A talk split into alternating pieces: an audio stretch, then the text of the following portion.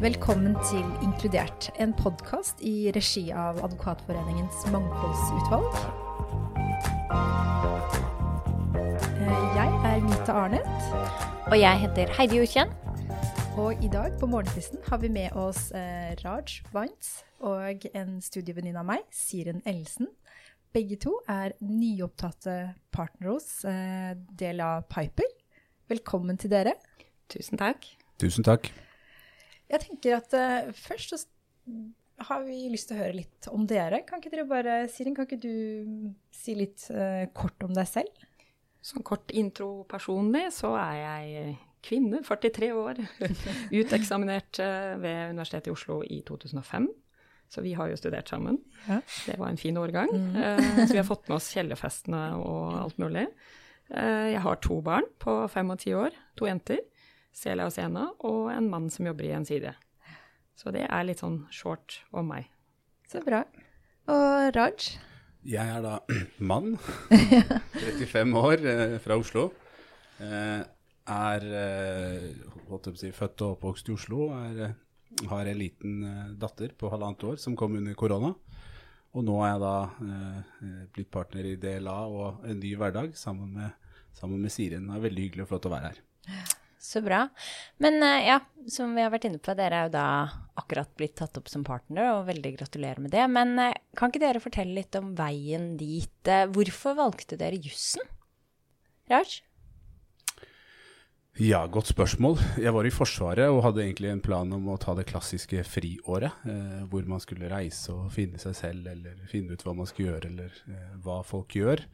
Men så hadde jeg en eh, studie, eller en kamerat eh, som delte rommet, som sa at du kan jo bare søke på et studium. Eh, det gjør jo ikke noe. Du kan si nei hvis du ikke vil, men kommer inn. Så jeg tenkte at det var jo ikke så dumt, for han presset meg jo litt til å bare begynne å tenke. Så da måtte jeg ta stilling til to ting, da, eller til hva jeg ville. Og da valgte jeg å søke på siviløkonom på NHO eller NHH eller juss i Oslo. Og jeg kom inn på begge, og da endte jeg opp med å si ja til jussen, og det ble ikke noe friår. Det ble ikke noe fyr Har du angret på det etterpå, eller? Nei. Nei. Det har jeg ikke gjort, altså. Så bra. Hva med deg, Siren? For min del så tok jeg det uh, berømte friåret. Jeg dro jorda rundt på en sånn Kilroy Travel med 20 flyreiser. Opplevde Asia, store deler av Asia, og over til New Zealand og USA osv. Det var kjempebra. Og da sto jeg vel i Perth uh, da jeg skulle søke, og bestemme meg for om det skulle være juss eller medisin eller veterinær. Og da tror jeg kanskje at ølen bestemte den kvelden, men jeg har valgt riktig, uh, har jeg funnet ut i ettertid. Så det er jeg veldig glad for. Hva tenker du egentlig om et sånt friår? Det er litt sånn, noen er litt sånn disiplinert og, at, og målrettet og tenker at man skal liksom bare starte rett på. Men hva, mm. hvordan, hva, liksom, hva tenker du om et friår? Jeg tror For min del i dag, eh, å se tilbake etter barn og alt, så er jeg så glad for det friåret. Eh, lærte utrolig mye av den turen og måtte klare oss selv. Eh, jeg vet ikke om mødrene våre var sånn superhappy da vi dro. Da hadde vi ikke internett og ikke telefon. Men eh, jeg tror det gjør noe med deg. Eh, absolutt. Mm. Og kanskje også den internasjonale siden av det som gjør at jeg trives veldig godt med å ha gått inn i et firma som del av Piper nå. Og kanskje man også skiller seg ut. Altså, jeg tenker Dere vil jo, er jo nå vil jo rekruttere.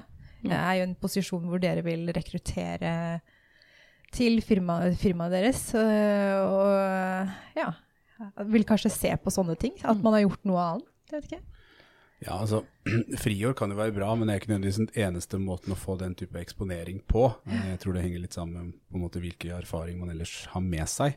Eh, når jeg ser tilbake 10-15 år, om jeg skulle ha tatt det, så, på en måte er det ikke noe ja-nei-svar på det. Jeg tror det er like mye en, en timing for ting man har lyst til å begynne med. Eh, samtidig som noen kan få veldig mye ut av det. Jeg, min konklusjon er vel for så vidt at jeg tror ikke jeg gikk glipp av noe, men jeg har prøvd å hente tilbake den, eh, det jeg kanskje ville ønske i dag at jeg gjorde da på andre arenaer. For det er også ganske mye morsommere å oppleve de tingene med å bli litt eldre og litt mer erfaren. Mm. Men nå har vi vært litt inne på dette med erfaringer og liksom hvilken bagasje man har med seg. Og um, dere to har jo oppnådd det som jeg tror for veldig mange kan både virke litt oppnåelig, men også kanskje et mål ikke sant? å bli partner i et av de store advokatfirmaene. Men, men um, dere har jo også det til felles at dere har vært litt forskjellige steder. Kan dere ikke fortelle litt om den skal jeg si, bruke litt store ord, reisen dere har hatt eh, fra studiet eh, og frem til eh, dere er der i dag, og, og hva Kanskje liksom, hva har dere tatt med dere, og hvordan dette blitt Hvordan har det gått til, rett og slett? Vi har reist i ulik tid, Siri, så du kan jo begynne. Jeg er, den, litt eldre. Sånn er det å ha fått to barn imellom. Sånn er det for kvinner litt, uten at man skal si noe mer om det.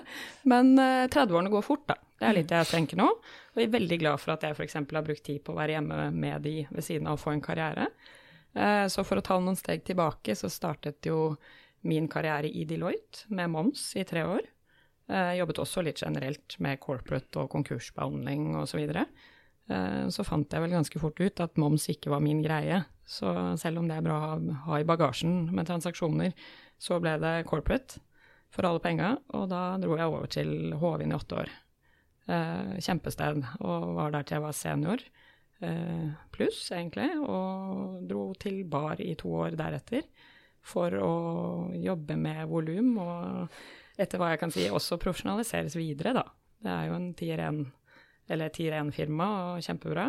Uh, og da havnet jeg innenfor energiområdet det siste året, og syntes det var veldig uh, nyttig. Uh, og også i lys av hvordan verden er i dag, med bærekraft, og hvordan vi må jobbe med elektrifiseringen av verden, så har det blitt min vei videre. En kombinasjon av M&A og fornybar. Og det førte meg videre til Thommessen i forbindelse med en stor fusjon av Hafslund og Eidsiva, som var veldig morsom å være med på. Og da var jeg kollega med Heidi i to år. Så det er egentlig veien dit jeg er i dag. Og så er jeg så heldig at jeg har fått lov å bli tatt opp i partnerskap i del av Piper, som er altså for min del kombinasjonen av hvem jeg føler jeg er, og min identitet. Da. Så, så for meg har det bare vært kjempesupert å, å se ulike kulturer og ta med det videre. Det visste jeg faktisk ikke, siden at du hadde endret eh, fagfelt underveis. Eh, hvordan, var, hvordan var det? Det kan kanskje virke for mange litt sånn vanskelig? Jeg tror det gikk veldig på hva du føler og liker Ja. å jobbe med. Uh, moms har jeg brukt i ulike settinger etterpå. Men det er nok litt for de spesielt, spesielt interesserte, da. Ja. Det er jo også en gren ut av uh, skatt, så uh, veldig bra for de som blir gode på det. Men det er jo veldig fint å vite at man på en måte ikke låser seg, selv om man kanskje begynner et Mm. sted og ganske spesialisert, så er det ja. mulig å vri. Absolutt. Så jeg brukte jo noen år på å finne ut at det, det ønsket jeg ikke å drive med videre. Men det er alltid mulig, tenker jeg, selv om du har jobbet 10 eller 15 år, å omskolere deg til det du har lyst til å drive med. Sånn sett er jussen veldig bra, da. Hva med deg, Rars? Ja. Nei, eh, min eh, holdt jeg på å si, vei har jo vært eh, både planlagt og litt, skal vi si, impulsiv i den forstand at jeg har grepet muligheter eh, som har vært interessante og, og riktige sånn tidsmessig også. Eh, fordi jeg eh, begynte faktisk eh, under studiet på tredje avdeling som kunnskapsforvalter i DLA. Det som eh, er det firmaet som jeg nå er blitt eh, partner i. Og det var en veldig spesiell og fantastisk krevende og interessant jobb. Fordi jeg måtte da sitte hver måned og holde såkalt legal updates for hele avdelingen for, innenfor et rettsfelt som jeg overhodet ikke kunne, som ikke engang var eh, eh, vanlig fag på studiet, altså immaterialrett. Så jeg eh, jobbet 20 ved siden av studiene der, i tillegg til et par andre steder. Og så eh, hadde jeg da disse månedlige oppdateringene, og det var utrolig skjerpende. Så jeg fikk eh, Jeg husker det er for så vidt en av de mest interessante jobbintervjuene jeg har hatt også, fordi jeg gikk Jeg var vel to, 21 eller 22 år eller noe sånt og så fikk jeg bare en 30 sider lang patentdom i, i, i hånda. Eh, Jeg visste ikke hva patent var engang. Eh, og så fikk beskjed om at jeg måtte innen eh, klokken tolv dagen etterpå levere et halvsides ekstrakt av, av hva som var verdt å vite om den dommen på henholdsvis engelsk og norsk. Oi! Og så fikk jeg svaret på om jeg fikk jobben. Relativt heftig for en studentjobb, da. Ja, ja, men det er jo et, et eh, tegn da, på at, eh, at eh, det å bli stilt krav til, eh, det gjør noe med deg. Eh, og at det er noe positivt også, ikke bare, ikke bare noe som er litt ork. Absolutt. Så, men jeg sluttet da i det la da jeg fikk eh, stilling som Vitas på universitetet. Eh, eh, på, I privatrettsgruppen hos Stein Evju. Så da skrev jeg en avhandling. Eh, og så oppfylte jeg en drøm eh, ved siden av, nemlig å være praktikant i politiet. Samtidig som jeg var Vitas. Eh, det var et sånn lykketreff, egentlig, for det, var, det ble tildelt på loddtrekning på den tiden. Så jeg, fikk, jeg var nummer 27 eller noe sånt nå. og de trakk i prioritert rekkefølge. Så du kunne velge etter nummeret du fikk, så det var helt utelukket, egentlig. Men akkurat det året så var det ikke tre, men fire stillinger. Og det, oh, ja. så det fikk jeg. Så det tok jeg parallelt. Eh, og det påvirket jo veien eh, videre. Påvirket og påvirket. Men jeg skulle jo eh, drive litt forskjellig, jeg. Jeg skulle synes at dette strafferettssporet, dette måtte jeg jo finne ut av. Så jeg insisterte på at jeg skulle begynne i Hjort, og det gjorde jeg også. Så da jobbet jeg jo både med arbeidsrett og strafferett, og hadde et sånn ganske bredt nedslagsfelt. Eh, som eh, for så vidt var veldig, som jeg er veldig glad for i dag, at jeg fikk, fikk eh, opp, eh, oppdage. Og etter det så var jeg domfullmektig i, i Sarpsborg og i Fredrikstad. Og uh, før jeg da fikk, uh, på vei tilbake, ble rekruttert til Håvin uh, som advokat i arbeidsrettsavdelingen der. Um, og det takket jeg ja til etter eh, vurderinger av hvordan, hvilken type kompetanse jeg på en måte, hvor jeg trengte å forsterke meg. da. Jeg har prøvd å gå litt etter, etter områder hvor, eh, som er litt ubehagelige, for å si det mildt. Eh, og hvis du kan få litt eh, hjelp til å eksponere deg for det, så er det alltid det bra.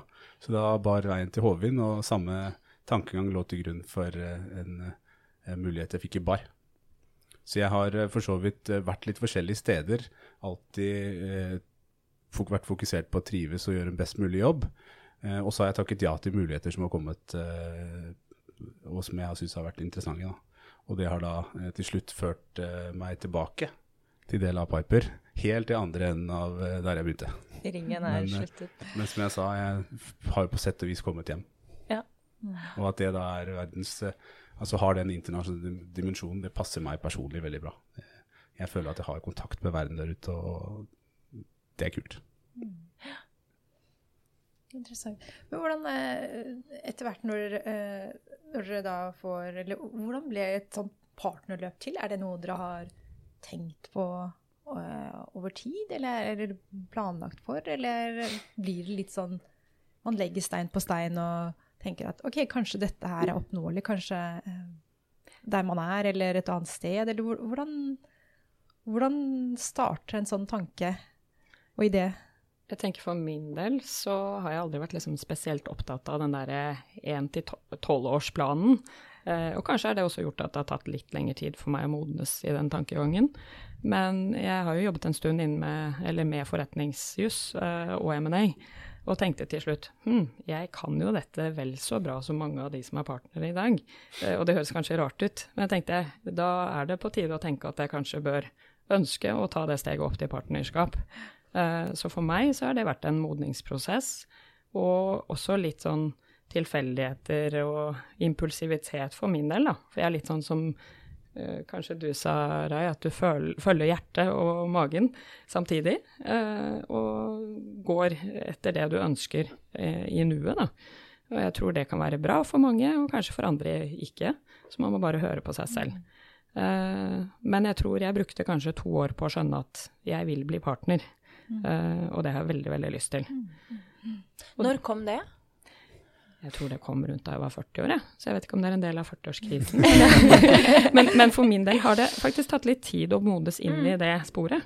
Og så har jeg tenkt, som kanskje noen dessverre damer tenker, er, er man flink nok, er man der nå, er eh, Og jeg tror det er litt, litt farlig å tenke sånn, fordi selvfølgelig er man flink nok, og stol på deg selv. Men det kan kanskje være litt sånn noen jenter tenker, da, Ja. i den settingen. Og det er jo ganske typisk også, at jenter ofte tenker at man, man må eh, kvalifisere for en stilling 110 eh, Hvis ikke så kan man liksom ikke gape over og ta den Mm. og Ja. Og jeg tror det er, eh, det er bare å legge til side. Ja. Det har jeg skjønt selv også. Og det er veldig viktig å være bevisst på. At man kan vel så bra å, å stå på og være motivert, men man trenger ikke å bestemme seg år to på, eh, i, som fullmektig for hva man skal bli når man blir stor. Um, Jeg tenker jo det også kanskje er en god ting å ikke gjøre. For det er jo viktig å vite hva det innebærer også, på en måte. Mm. Så, men jeg er helt enig i det dere sier, at uh, det er viktig å Ja, jeg tror, eh, jeg tror man Veldig mange kan få det til. Mm. absolutt. Jeg tror litt sånn som du er inne på til slutt, Heidi. Altså, jeg, jeg, tror man i, i, større eller mindre grad kan ha dette som et mål, men du aner ikke hva det målet egentlig er før du begynner å gå den reisen. Så at eh, for mitt vedkommende så tror jeg for så vidt at liksom sånn På indre sone så har det vært et mål. Og så har ikke, men jeg har ikke gått rundt med en plakat på byen og, og skrevet partner, på en måte. Men jeg har tenkt at så hvis det er advokat jeg skal drive med, og det, det er innenfor denne grenen og i denne delen av bransjen, ja vel, så er det et naturlig utviklingsmål. Eh, men samtidig så har jeg vært eh, lydhør overfor meg selv for å på en måte korrigere det, hvis det skulle vise seg at, at det, det ikke klaffer eh, av ulike grunner. Både med tanke på livssituasjon, eller man kanskje, kanskje det ikke er det man trodde at det var. Ikke sant? Det kan det fort være, og dette er jo ikke det eneste målet. Eh, det er veldig mye, altså Potetutdannelsen juss kan jo brukes til så mye, så at eh, man skal jo ikke eh, tenke at dette er det eneste man skal gjøre, eller kan gjøre. Men, men for min del så har det vist seg mer at, at det passer meg så godt som jeg egentlig tenkte at det ville gjøre. Eh, og så er det mange ting som har klaffet og gjort dette mulig så tidlig. Da. Mm. Jeg er helt enig med deg, Raja. Jeg tenker at eh, hvis du først finner ut at det er forretningsadvokat man har lyst til å bli, og det er her man har lyst til å gjøre karriere, så tenker jeg jo det er veldig Da håper jeg de fleste som tenker det, har lyst til å bli partnere. For det er jo da man virkelig får lov til å være med å påvirke firmastrategi og, og liksom Ja. Få lov til å være med på alt. Så Men man Men- må jo alltid pakke litt deilighet i, i podkasten også, så, så vi kan jo si, eller jeg kan i hvert fall si, at det er ikke sånn at de, de har hatt klokketro på at eh, jo, jo, sånn, det er sånn det kommer til å bli, eh, eller at dette kommer til å gå bra hele tiden. Det, Men det tror jeg kanskje, hvis jeg skal bringe noe videre derfra, så er det noe med den, den evnen og viljen til å leve med usikkerhet. Mm. Den tror jeg på en måte, det er en acquired skill eh, som bare blir viktigere og viktigere. Eh, ikke bare på veien til, men ikke minst i jobben og i livet ditt for øvrig. ja, Mitt absolutt. Men det viser jo en viss ydmykhet for at liksom, ok, men det er ikke sikkert det går, men man kan ha et, liksom, ha et mål å jobbe mot. Mm. Men hvordan, jeg er litt spent, hvordan er det? Hvordan er det å være partner? Ja, nå har vi bare vært det i tre måneder, Ja, ish, men uh, for min del Sier du er en hel måned mer enn meg, så Da får du gå som Hva er det som er gøy? Nei, altså jeg syns det er kjempegøy. Uh, klart man tar med seg hver dag som uh, impulsivt eh, arbeid. Jeg er veldig glad i å jobbe med M&A, så jeg vet jo hvordan arbeidsdagene ofte er. Så det er ikke noe sånn veldig annerledes på den måten. Men du må jo begynne å tenke bygging av portefølje, eh, klientkontakt, eh, selvfølgelig å være ute eh, og, og prøve å pitche oppdrag. Det er selvfølgelig det som er den store Det endringen fra et seniornivå. Eh, og det med ledelse og utvikling er selvfølgelig noe man må ta med seg inn og jobbe med hver dag. Eh, jeg synes, eh, kjempespennende. Jeg tror så lenge man syns det er spennende, så jobber man med det og forbedrer seg hver dag. Jeg tror alle har noe å forbedre hver dag. Så det er liksom Jeg står opp og er veldig motivert hver dag. Men uh, dere fortalte jo begge, begge to har jo vært litt sånn forskjellige steder og fått sett litt ulike firmaer som sikkert har litt ulik kultur. Nå når dere har blitt uh, partnere selv, da, uh, opplever dere Altså, hva tar dere med dere? Er det litt sånn Kan dere nå sitte og plukke the best of all, world, sånn jeg får si, og så ja. Ja. Du kan gjøre det selv. Ja. Og jeg har eh, Vi fokuserer på å gjøre det, definitivt. Eh, det er jo en superasset mm. å kunne ha sett så mye forskjellig som du kan eh, cherrypicke. Eh, og så vil det jo alltid være sånn at du, det er etablerte kulturer også der man kommer, men, eh, men du vil jo kunne komme med friske tanker eh, og måter å gjøre eh, ting på som eh, vil bli satt pris på. Det tror jeg uansett, og, og, og ikke minst eh, gjøre det Altså fungere bra for deg eh, i arbeidshverdagen. Så det, det, det er jo en super asset, det å kunne se ting eh, på forskjellige måter. Det syns jeg, altså. Så, men jeg syns det er der, eh, for å svare på litt i forlengelsen av eh, Siren, altså det er kjempegøy.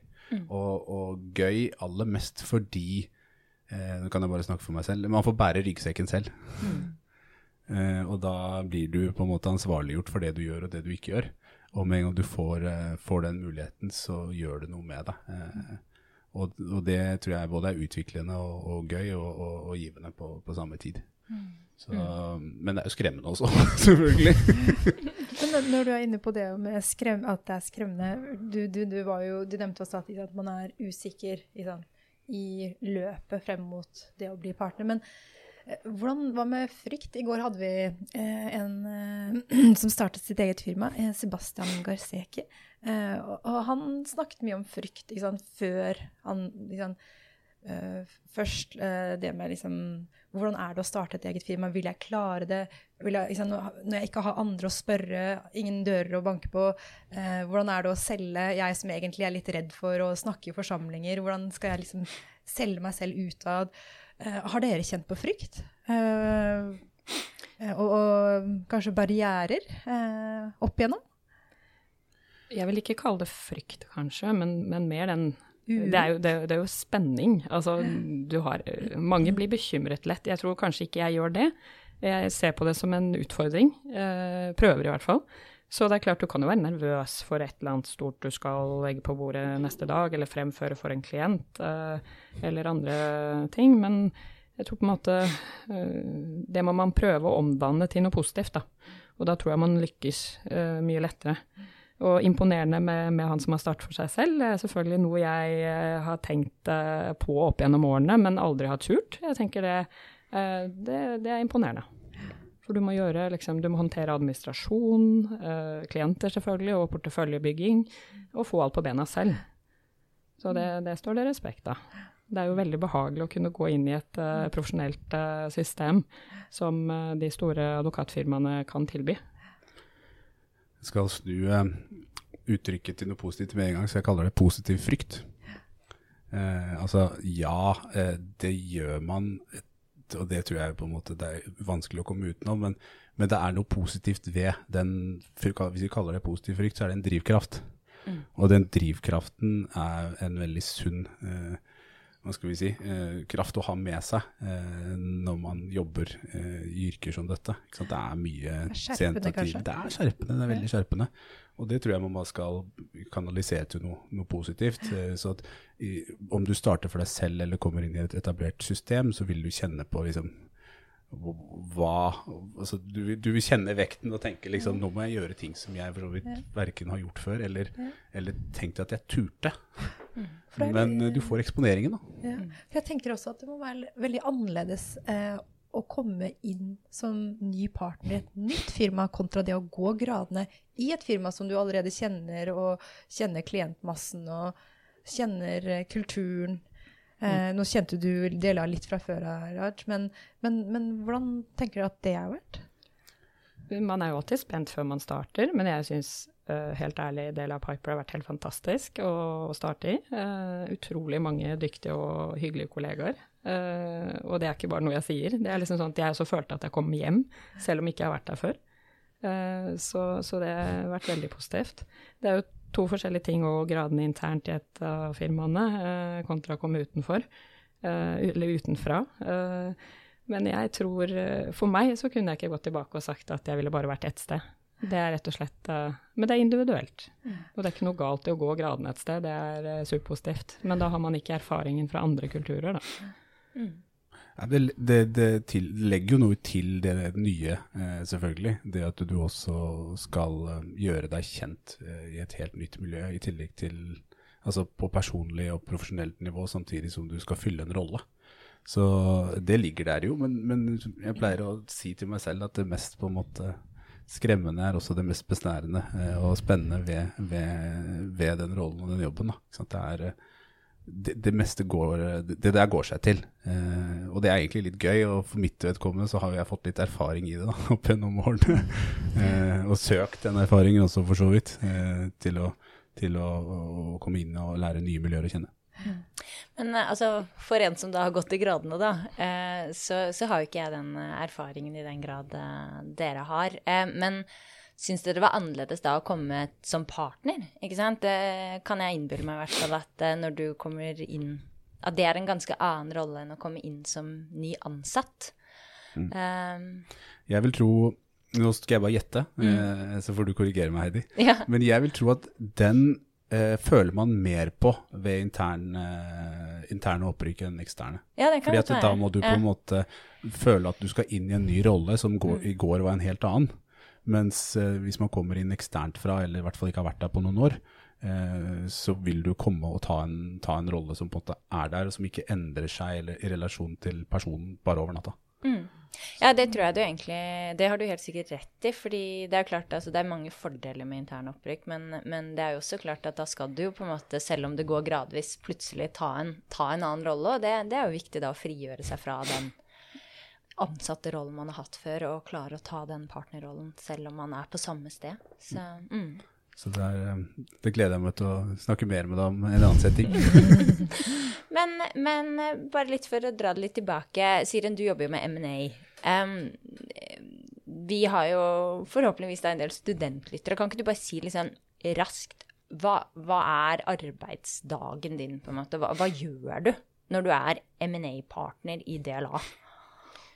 Man kan jo starte med å si at uh, eh, M&A er jo mangt. Mm. Uh, det er kjøp og salg av virksomheter eller uh, selskaper, altså aksjene i selskapene, sånn roughly, overordnet. og du har mange fasetter innenfor det, og hybrider, som man kan så fint si. Og så har du skattesiden av det, som gjerne er liksom fusjoner og fisjoner og omstruktureringer. Eh, hvis man typisk får en transaksjon inn på bordet, så kan det starte med en NDA, som vi kaller det så fint. Eh, en konfidensialitetserklæring mellom partene. Og så jobber man ut fra eh, gjerne en tidslinje som partene har blitt enige om. Eh, og som gjerne også starter med en due diligence av target, da, som det så fint heter. Eh, det selskapet man kjøper eh, eiendeler eller aksjer i. Mm. Eh, og så setter man gjerne på et sammensatt team, uh, ulike fagområder som skal dekke det uh, spesifikke targetet, og jobber igjennom den prosessen. og i parallell så fremforhandler man de overordnede transaksjonsavtalene man skal bruke, da, som gjerne er en aksjekjøpsavtale eller en virksomhetsoverdragelsesavtale. men der igjen kan du ha mange andre typer kontrakter, avhengig av området du befinner deg innenfor. Så samarbeidsavtaler, eller eh, TSA som det også heter forkortet, som er en sånn overføring av uh, services mellom da selger og kjøper i en overlappende periode uh, osv. Så, videre. så det kan være veldig varierende, og det er det som gjør at jeg liker det veldig godt. Og du må omstille deg og skjønne at du er innenfor ulike forretningsområder. Mm. Så man får brukt hodet hele tiden. Og det er gjerne noen korte tidsfrister. Mm. som jo stort sett alltid er mulig å, eh, å nå. Eh, eller så må man selvfølgelig avklare med klienten, slik at man får dette best mulig på plass. Ja, så må det vel være litt sånn jack of all trades, hvor du på en måte må skjønne litt av alle mulige Ja, i en DD f.eks., så må ja. du liksom vite litt Du må vite nok om immaterialrett og konkurranserett og mm. sånn til å i hvert fall kunne koble på kollegaer og sånn, så du blir jo litt sånn du blir litt den uh, poteten i ja. en M&A-setting også, fordi ja. du er nødt til å si ulike fag fagområder, som du sier. Uh, så jeg har jo lært meg en del uh, bulletpunkter på ulike fagområder som du må ta med deg videre til den som er partner på disse områdene internt, og så får de satt opp et team som hjelper deg inn da, på, på, typisk due diligence, eller se på avtalene. Mm. og det er det som er gøy, å jobbe i team og få til dette, og møte klientens mål, da. Mm. Men hvor mye er liksom rent saksarbeid, og hvor mye er på en måte ja, eh, markedsføring og personalhåndtering og jeg er fremdeles ganske ny i rollen, men jeg tenker at uh, hva skal jeg si Akkurat nå er det selvfølgelig snart jul, så det er veldig mye jobb på mm. sak. Også en del administrativt og salg og markedsføring. Uh, så det er en god miks. Mm. Men uh, nå vil jeg si jeg jobber ganske mye akkurat nå. Eh, og så har du roligere perioder, og så tar det seg gjerne opp igjen litt mot eh, ja, mai-juni veldig igjen, da. Mm. Det er vel den uh, M&A-syklusen man gjerne snakker om.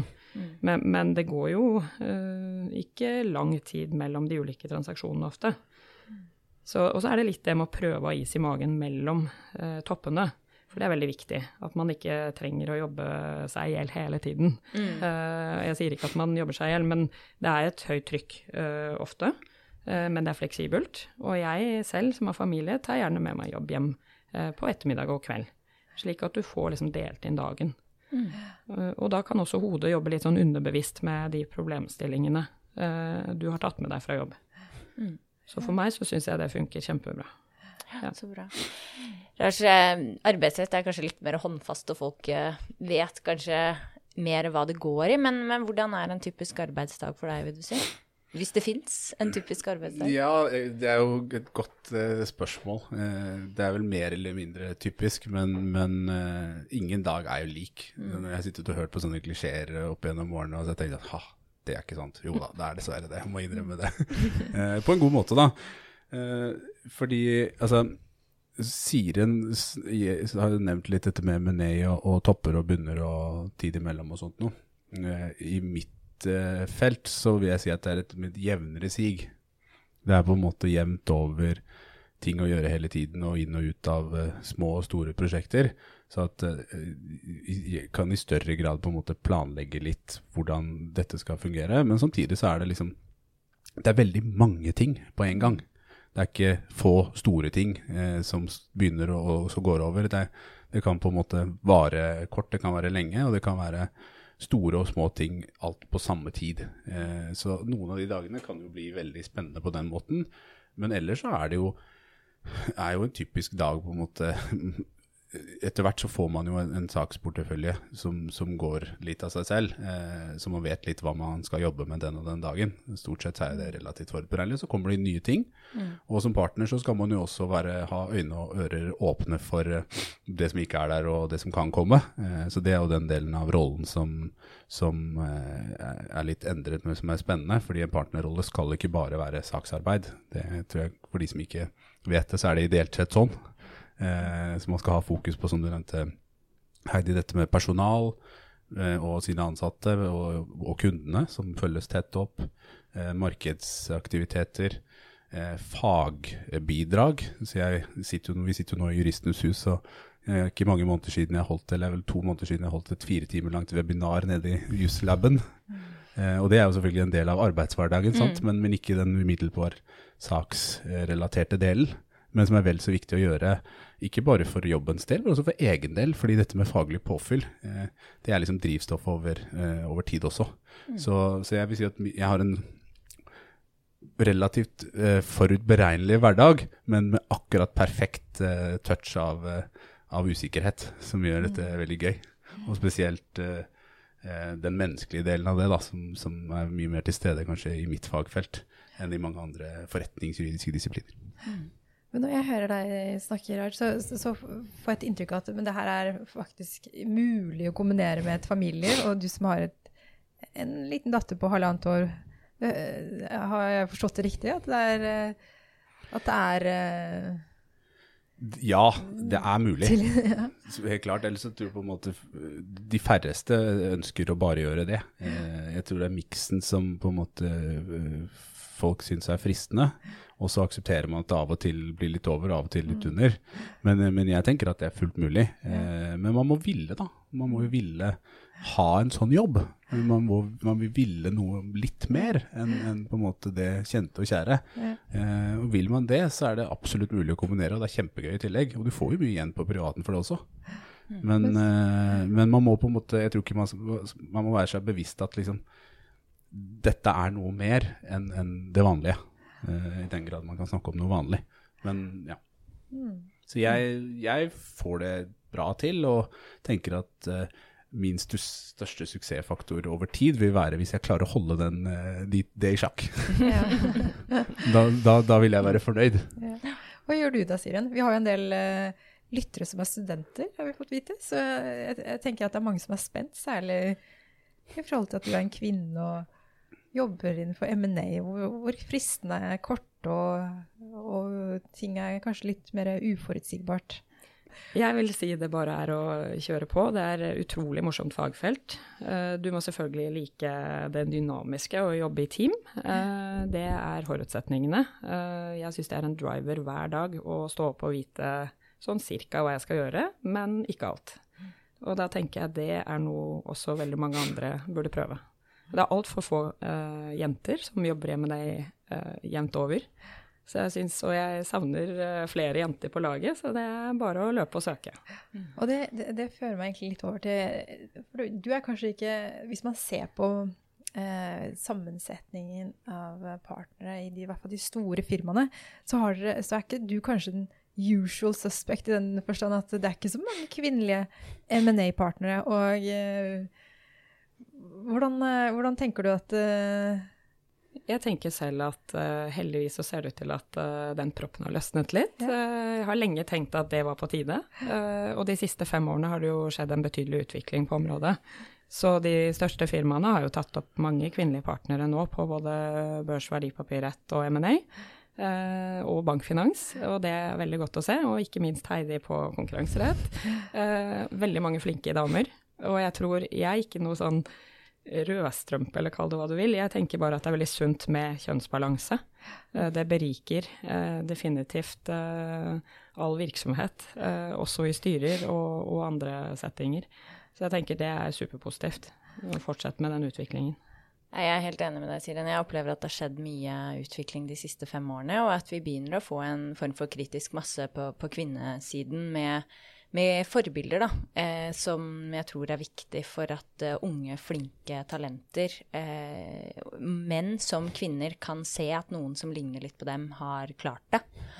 Eh, vi byttet jo navn på utvalget i fjor, fra Kvinneutvalget til Mangfoldsutvalget. For det er jo ikke noe hemmelighet at også vår bransje kanskje strever litt med mangfold generelt. Er dere er du optimistisk der, på samme måte som du er med altså kjønnsbalanse?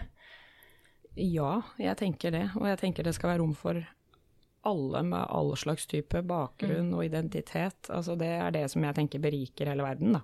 Så det må man jobbe mye mer med. Også aktivt i forhold til rekruttering fra universiteter osv. Det er veldig viktig. Mm. Hva med deg, Rash, er du optimist? Ja, jeg er det. Og, og nå tror jeg liksom man har eh, jobbet Altså, før man skal begynne å flytte noe, så må man drive en del års forberedelsesarbeid. Mm. Uh, og nå er det bevegelse på en sånn sunn og god måte, tror jeg. Mm. Uh, og ikke sånn rushet uh, på, med liksom feil, feil fokus, men tvert imot helt riktig fokus. Så, så, jeg er veldig optimist, og som Mita har vært inne på, altså jeg eh, har jo indiske foreldre, eh, født og oppvokst eh, her. Og har forstått, som du også nevnte, Heidi, altså, at man har liksom noen som ligner litt på seg selv når man, når man ser langt der fremme. Det har jo ikke vært noe altså Det har vært mangelvare også hva skal vi si, på min arena. Mm. I forretningsjuridisk verden, altså på en måte av de Aker Brygge-firmaet, kall det gjerne det. Så det har jo selvfølgelig, og da blir det jo litt sånn at eh, det er mange grunner til, eller litt tilfeldigheter rundt det sikkert på timing, men, men, men, da har jeg plutselig da blitt da, den, den som jeg så. Uh, og det er jo vel og bra, det. Uh, men hvis, hvis, jeg kan være med å påvirke uh, og inspirere noen som kan tenke at det der er kult, så er jo det veld, veldig bra. Fordi mm. målet er jo å vise at du, du kan gjøre dette ved å være deg selv. Mm. og, og da vil forhåpentligvis flere bli inspirerte, for jeg tror det er bra. Mm. Jeg tror definitivt det er bra, og vi, vi, henger jo etter på dette, i motsetning til eh, våre naboland og internasjonalt. I, I DLA så er vi jo Altså, du er, Kollegaen din er basically bare en telefonsamtale unna, selv om du aldri har møtt han, for man er mm. under samme paraply, på en måte. Eh, og det er faktisk eh, sånn å jobbe også, når jeg da skal ha IT-training eller et eller annet pitch-anbud eh, et eller annet sted i verden, så møter jeg alle slags mennesker. Fra alle, med alle bakgrunner og alle typer utseender. ikke sant? Jeg har bare ikke vært vant til det her. Så, så, så det føles veldig enkelt der eh, nå. Men eh, jeg tror også at vi, vi eh, eh går en riktig vei her i Norge, da. Mm. Ja, det er jo Jeg tenker jo dere er kjempeviktige forbilder for, eh, for unge som kunne tenkt seg, og i hvert fall har lyst til å prøve seg, seg innen advokat. Hva, hva, er deres beste tips, da? Hvis man skal klare å oppnå det dere har klart? Mitt, store tips er, som også Rai akkurat sa, å være deg selv. Ikke Altså, du kan godt få lov å se opp til andre, og det er veldig viktig. Ha noen der fremme som du virkelig tenker 'dette skal jeg også få til', og identifisere seg med uh, om, om, du kommer fra, fra, samme sted, om du er kvinne, om du er mann. Bare at du har noen å se opp til, det tror jeg er viktig. Eh, og ser at man får det til. Mm. Det er mulig å ha work-life balance. Du har fleksibiliteten til å ordne det. Men å ha motivasjonen, det tror jeg også er helt avgjørende. Ja. Det å ville. Jeg skal svare, og så skal jeg stille det spørsmålet tilbake til deg, Heidi. For du er en vel så kompetent uh, meningsbærer i, i, dette fora som meg. Men eh, nei, altså eh, Det er mange sånne floskelord man sikkert kan bruke, men hvis jeg skal gå liksom mine år tilbake, så vil jeg tenke at det er viktig å ha noen møter med, jevnlige møter med seg selv. Mm. Eh, og kalibrere litt. Mm. Eh, om hvor du, hvor du, er hen, og hvor du vil, og hva du syns egentlig. Mm. Eh, og skal du gjøre det, så er grunnforutsetningen at du er ærlig med deg selv. Mm. Eh, og du har tro mot deg selv. Eh, og så kan det på en måte være i mindre variere litt hvor stor den ringen er, og hvor liten den er i noen perioder. Men du må på en måte gå eh, og være ærlig med deg selv, fordi det viktigste, vil jeg tenke, og har i hvert fall jeg tenkt, er jo at du skal hvis du skal bli partner eller drive med, ha sånne yrker, så må det være at du kommer dit for å bli, ikke for mm. å ha mm. vært der. Og, og, det er en bærekraftstankegang som på en måte jeg tror det er viktig å ha med seg eh, eh fra dagen. Ja, det tror jeg du har helt rett i. Jeg tror det der å kjenne etter underveis, eh, når du har begynt å forstå hva det går i, kjenne på er motivasjonen min der, for du klarer det ikke hvis ikke du virkelig vil det. Det er fullt mulig å få til, tenker jeg, men, men du må ville. Du må være villig til å prioritere, og, og du må ha en ganske sterk driv. Og så tror jeg mitt tips det er jo, ja, tilbake til flosklenes verden, er jo egentlig bare å si ja. Altså når du får muligheter, så grip dem. De kan ligge internt, de kan ligge eksternt, de kan kanskje være i en helt annen bransje. Altså det, det kan komme fra hvor som helst. Men ta det, og så prøv det, så lenge du har den motivasjonen. Ja, det er jeg helt enig med deg det, det var bra du la til det. Eh, du må si ja, selv når du ikke vet hva det er. ja. eh, og så må du bare finne ut av det. Og Går det bra, så er det supert. Og går det eh, ikke som du ønsket, eh, så lærer du vanvittig mye av det også. Og og det er vel så viktige ting å ha med seg på den veien. da. Ja. Og jeg tror det verste som kan skje, er jo at man må bytte jobb, eh, på en måte. Og det Og blir en erfaring rikere. Ja. ja. For, for, å gjøre det litt sånn eh, håndgripelig, altså det verste er at du får et nei. Det er mm, ikke ja. sikkert det er så fælt. Det er ikke sikkert det er fælt. Og så må man sånn... tenke at man er god nok, tenker jeg. Det er, eh, det er veldig viktig. Ja. Mm. Særlig til jenter. Ja. Ja. Høres ut som man eh, bør tørre å gjøre litt feil, rett og slett. Ja. Det er helt mm. ok. Man lærer jo av å feile, det er vel det man sier. Og skal man det kommer man til å gjøre hele livet, og jeg tenker at uh, i større og mindre grad. Uh, og det, det, skal det være aksept for. Mm. Det er veldig mange yrker uh, hvor det kompetitive elementet er ganske fremtredende. og det er jo for så vidt Vi også er jo en sånn bransje, men jeg mener det er mange bransjer som er enda tøffere enn oss. Altså, tenk på kokker. Ja. altså, ja, ja, det er bare hands down, tenker jeg. Uh, så at uh, det er sent og tidlig, og det er oppvasken, og det er dårlig lønn, og, og kanskje mm. det er en Michelin-stjerne et eller annet sted. Uh, hvis, hvis, du er så motivert. Men liksom, dette med motivasjon kan vi snakke om en annen gang. Men, men er, man må på en måte se dette litt i perspektiv også. Ja.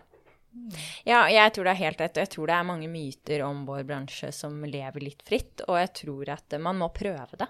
Altså hvis man har lyst, hvis man interesserer seg for de fagfeltene som forretningsjuridisk dekker, da, prøv det. Liker du det? Det er kanskje ikke for alle, men det er for veldig mange, tror jeg. Ja, det tror jeg også. Også spesielt den barrieren at du får, ikke, du får ikke vite hva det er før du prøver det. Mm. Og jeg tror mange vil kjenne seg igjen i, i, i, hvert fall jeg, den feilen jeg og sikkert flere har gjort. At du tror at jo, jo, dette vet jeg hva er. Mm. Eh, jeg trenger ikke å prøve dette. Jeg trenger ikke å trene så mye, jeg bare gjør det når jeg skal gjøre det. Men uh, realiteten er at du må bare trene på alt hele tiden. Dere, tusen, tusen takk for at dere kom, begge to. Det var utrolig både inspirerende å høre på dere, og hyggelig å ha dere her. Tusen takk Veldig for at dere kom komme. Veldig hyggelig å være her.